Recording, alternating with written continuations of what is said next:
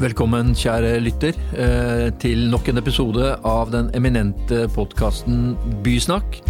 Vi tar for oss eh, nær sagt alle temaer innenfor framtidens byer, slik at du skal være forberedt på det som kommer, og ikke da være litt sånn sentimental opptatt av det som var. Maren, mm. som alltid. Hei. Eh, du har også som alltid da dukket ned i en eller annen pose og funnet et tema som vi skal snakke om. Hva skal vi snakke om i dag? Det temaet vi skal snakke om i dag, det er jo ikke akkurat dukket ned for å finne. Det er jo noe som vi møter hver dag for tiden, om man leser avisen eller følger med. Um, og det er jo et stort og alvorlig og komplekst tema. Um, komplekst på en annen måte enn de temaene vi pleier å snakke om. Uh, og uh, noe vi føler vi ikke helt, eller jeg føler vi ikke kan la være å snakke om når fanen er bysnakk.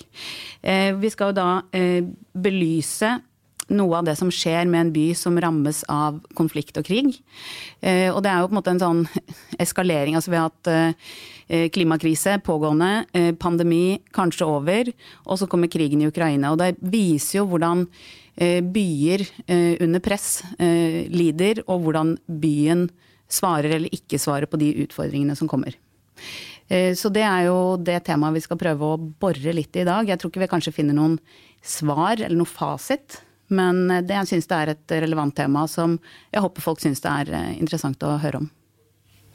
Ja, Det, det blir ikke så mye tøy, tøys og moro nå. Nei, eh, denne ikke så mye myke minutter denne gangen. Slik, slik må det bli. Eh, til å diskutere problemstillingen så har vi da Tormod Heier, eh, forskningsleder Forsvarets høgskole. Eh, og Maria Gilén Røysamb, som egentlig er Vittas på NUPI, og som nå er utleid til Sikkerhetsrådet og UD. Ja. Eh, det er vel naturlig todeling. Eh, den ene tar for seg de sivile konsekvensene, lidelsene ved krigen, og egentlig eh, at Torbjørn snakket litt mer om den effektiviteten, eller hvorfor man som militærstrateger velger seg byføring. Men skal vi da bare bli enige om eh, Tormod, altså da jeg var i militæret, nå er det lenge siden, så, så ble man lært opp i helt klassisk eh, Først kommer flyene, og så kommer bombene. Og så rykker fotsoldatene inn på en stor slette. Man stiller opp da tanksen først, og så går soldatene og beskytter seg bak. Og så blir det en form for sånn Kina-sjakkspill eller sjakkspill. Eh, men dagens konflikter, dagens kriger, følger jo ikke det skjemaet i det hele tatt. Nei, ikke i det hele tatt. Så dette er gjerne noe vi militære liker å leke med når vi øver. Eh, fordi vi er alltid trent på og vi liker best å møte motparter som er trent, organisert og utrusta som oss selv. Og da skjer akkurat det du sier der. Men i den virkelige verden, i krig, så er det alltid sånn at den svakeste parten vil alltid forsøke å unngå den sterkeste partens uh, sterke sider. Og sett uh, i lys av Ukraina-krigen, så er det da helt naturlig for ukrainerne å ikke møte russerne på denne åpne slagmarken utenfor byene i grisgrendte strøk, men heller lokke de inn i landet langs disse forutsigbare veiaksene, og de stopper et sted. Og det er i knutepunktene, og i disse knutepunktene, der er det store byer. Der er det mye lettere og forsvaret seg. Og da unngår man eh, russernes sterke sider, og så klarer man å beskytte sine egne sårbarheter, samtidig som man da utnytter sine egne komparative fortrinn ved å snike seg ut på kantene utenfor byen og angripe russerne der de er svakest, nemlig leng litt lenger bak i forsyningsaksene deres. Men, men det, er, det, er, jo ikke så enkelt. for ved, ved, å dra krigen inn i byene, så rammer man stort sett de sivile. Altså, til deg, Maria, du skrev en kronikk eh, i Aftenposten om bykrigføring. Uh, og det, det, er sånn, Vi har jo regler for uh, krigføring. altså et, et, Nesten etter hver større krig så tenker man ops, det var ikke bare soldater som ble rammet, men det var stort sett sivile. Uh, Genévekonvensjonen var vel den fjerde som fant ut Det var et voldsomt tall av sivile som døde under annen verdenskrig. Og det vi ser her, noen har anslått at det er 90% av de som dør i den pågående krigen, er sivile. Sånn, nei, men Eh, hva er de sivile konsekvensene av at de militære drar krigen inn i byen? Ja, For det første så skjer jo da krigen der hvor folk lever. Eh, hvor folk går på jobb, går på skole, har sykehus eh, og lever sine liv. Og som du er inne på, så er det jo regler for hva man har lov til å gjøre i krig. Man har ikke lov til å treffe de sivile. Man skal treffe militære mål. Men i byer så ligger militære og sivile mål så tett. Så man risikerer, enten med vilje eller ikke med vilje, da, å treffe sivile mål. Og som du er inne på, så ser man at 90% av de som mister livet av eksplosive våpen i byer, er sivile. Eh, og antallet utenfor byer er vel rundt 16% Så det er på en måte en helt annen skala. Mm. Um, en annen ting er jo at i byer så er infrastruktur veldig sammenvevd. Så hvis du tar ut et militært mål, du tar ut en vannforsyning eller en, en, elektrisk ledning, så kan jo det føre til at sykehuset ikke lenger har elektrisitet, eller ja, mennesker mister rett og slett tilgang til den type ting, da. Um, ja. ja. Men, men, da, Tormod, altså De militære som strategisk da velger bykrig, de må jo også være klar over da de sivile lidelsene. Men, men er, det litt sånn kalkulerende at uh, man velger de militære tapene blir mindre, sjansen for å vinne er større, selv om det blir økt sivile lidelser? Altså, er det så kynisk, egentlig. Altså. Ja, dette er brutale saker. Men dette er som blir på mange måter legitimt når landets eksistens står på spill, og man, altså, det er et vinn eller forsvinn, det er tap eller seier. Og da på mange måter rettferdiggjør det det at alle samfunnets ressurser skal kanaliseres inn til denne eksistensielle overlevelseskampen som da skjer der det lettest å forsvare seg, nemlig i byene, fordi der må angriperen ofte være fem ganger så mange som de som forsvarer. Eh, I motsetning til i åpent terreng. Når man angriper et annet land, så har man sånn forhold på tre til én, men i byer er det fem til, fem til én.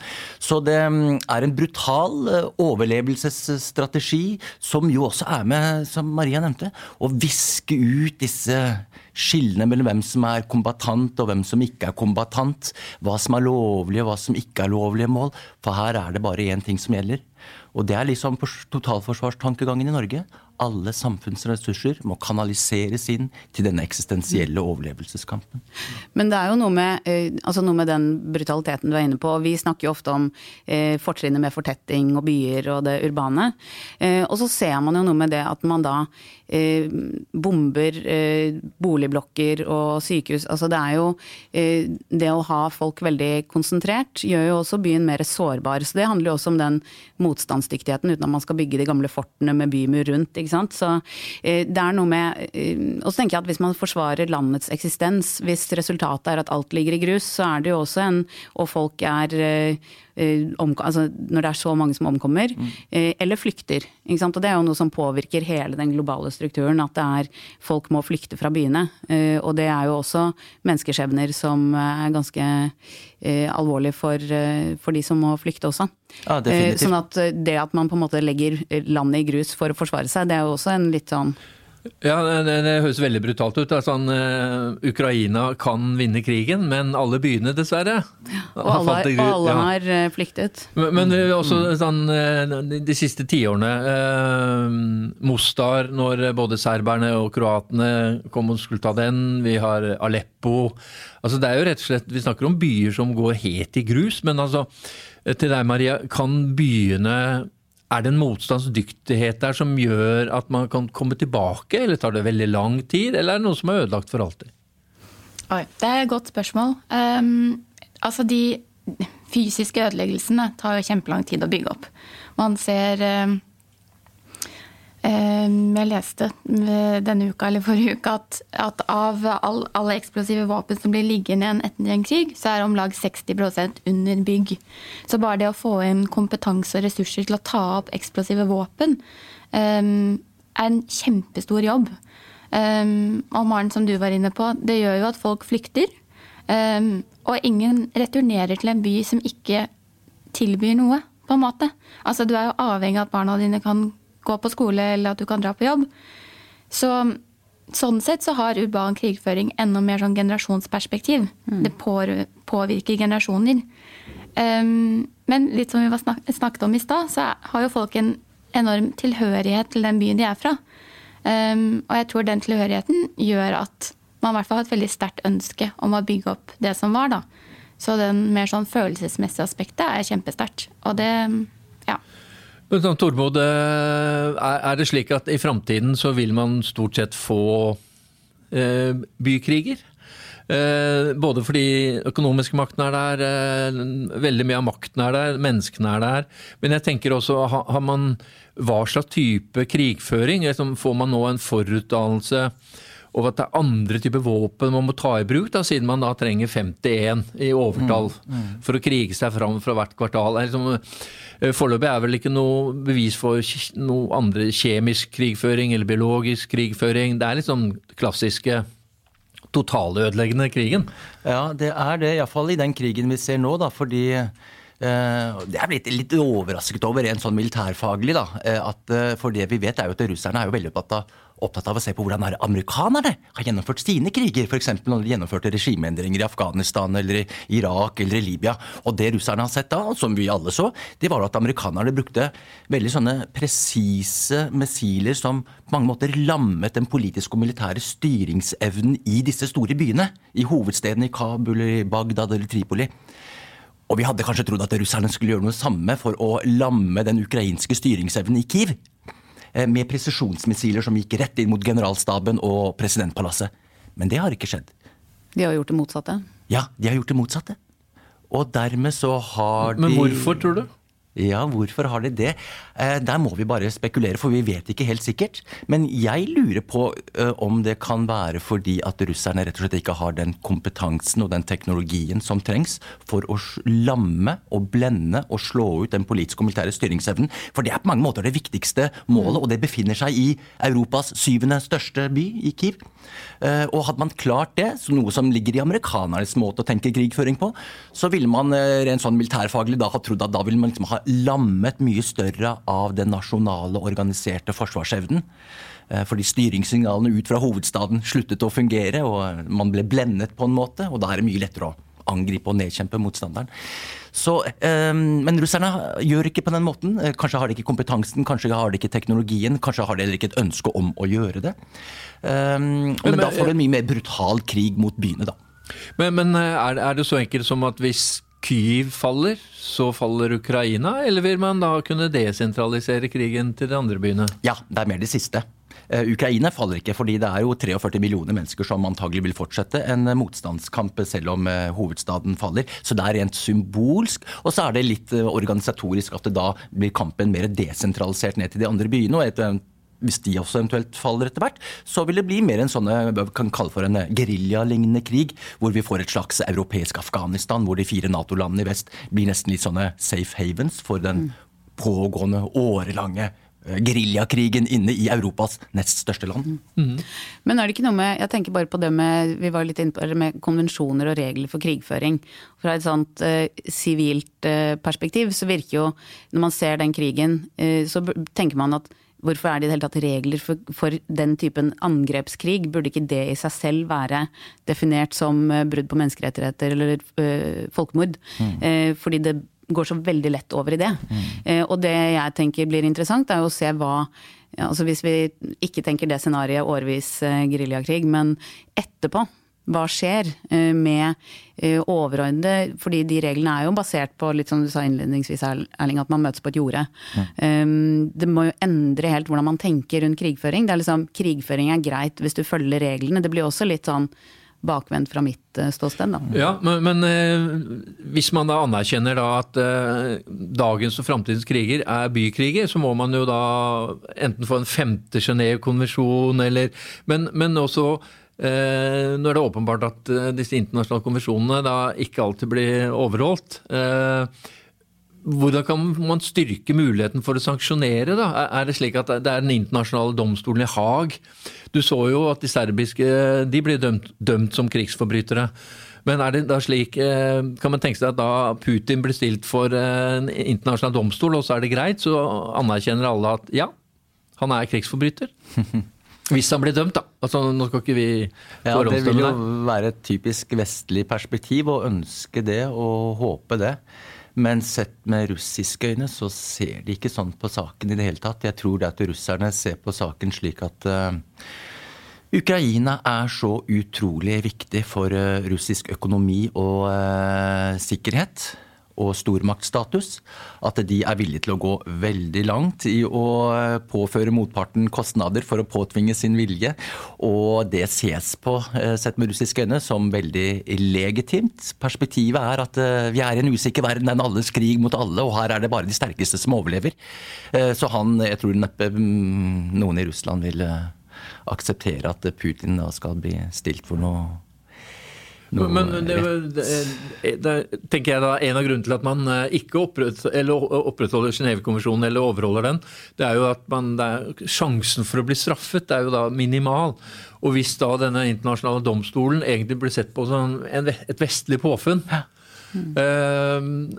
da sier man basically at man, man, har ikke noe global domstol som gjør at man kan straffe hvis man mm. bryter. Mm. Mm.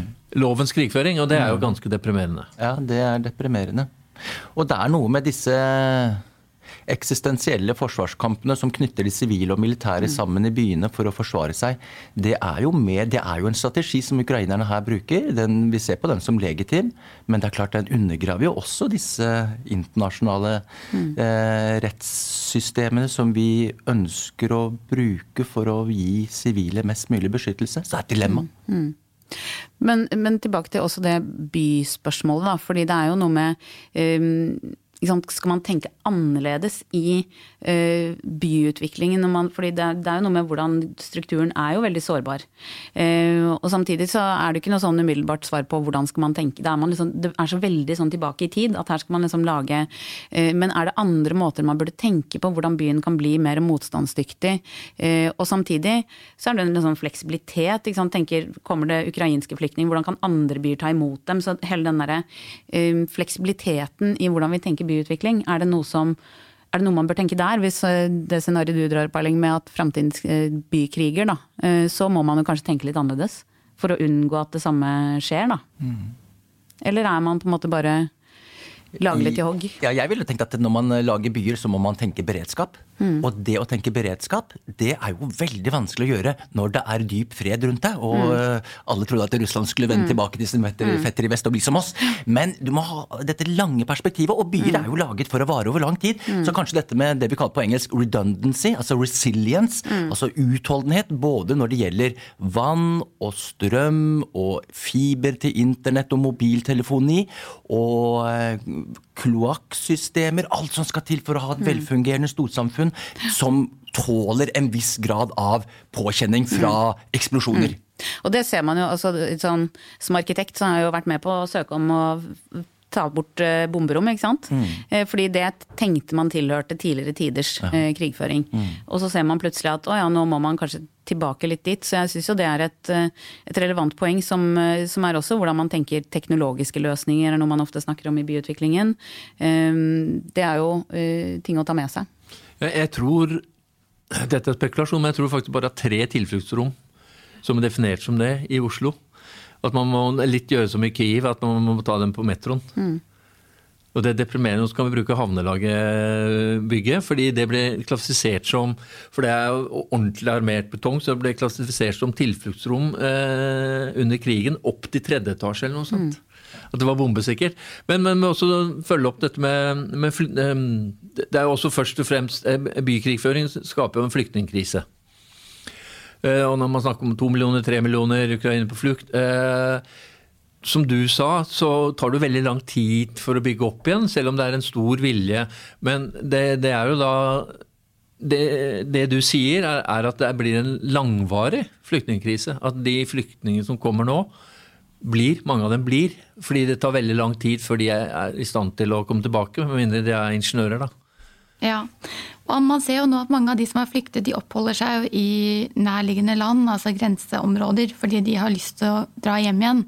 Så det er jo på en måte et annet aspekt at mange som reiser på flukt, ønsker å komme hjem, og det ser man nå i, i Ukraina. Um, men det er helt klart at det kommer til å ta lang tid å bygge opp disse byene. Og um, nå har vi jo snakket om Altså jeg er jo ikke noen sånn militærstrateg, men, men eh, når man snakker om dette med motstandsdyktighet og bygge byer, så vil jeg også bare understreke at det er jo den parten som går til angrep, som også har ansvar for å bruke, bruke våpen som ikke rammer de sivile, og ikke treffer sivile mål. Um, og det ser man jo i stor grad blir ignorert i den krigen som er nå. Ja. Et siste poeng til deg, Tormod. Eh, det er jo åpenbart at eh, russerne har gått på en smell i Ukraina. For de trodde verken eh, nasjonale følelsen var så sterk, men også kan du også si noe om bypatriotismen? For den er jo altså sånn om Klitsjko har blitt ansiktet på Kyiv. Eh, så det virker jo egentlig som at når vi snakker om motstandsdyktige byer, så handler det om sånn bypatriotismen. Ja. Og at det blir veldig ofte sånn oversett. Men, men, der du har en sånn kraftig både nasjonal, men også en byidentitet, så blir det mye vanskeligere? Ja, mye vanskeligere. Det er alltid lettere å være den som forsvarer byen sin og landet sitt. Fordi du får en helt annen motivasjon og offervilje enn de som trenger seg inn på fiendtlig territorium og egentlig ikke er like villige til å risikere all verden for å, å, nå frem med sine mål. Så det skaper jo en voldsom samhold. Og dette er jo en av grunnene til at vi har stussa litt på hvorfor ikke russerne prøvde å slå ut eh, det politiske og militære senteret i, eh, i hovedstaden i Kiev tidligere. Nettopp fordi da blir det et veldig samlingspunkt rundt Zelenskyj som president, som skaper en voldsom Han har blitt selve symbolet mm. på den ukrainske forsvarskampen. En kamp som først og fremst foregår inne i byene. Fordi det er der de vet at der har russerne størst problemer med å ta dem. Mm. Maren, mm. vi har kommet til uh, veis ende, men det er veldig fascinerende at uh, den som skal snakke om det militærstrategiske, er veldig engasjert. fordi her er det sånn gefundenes fressen. den som skal snakke om da, de sivile konsekvensene og lidelsene, blir atskillig mer lavmælt. Eh, det er jo kanskje naturlig, men jeg vil jo sånn for å oppsummere, så vi har jo ikke noe løsning. Hadde det vært så vel, så kunne vi gått ut herfra som vi liker å liksom ha en løsning på et problem. Ehm, det har vi ikke, men jeg syns vi har fått eh, belyst to sider av saken.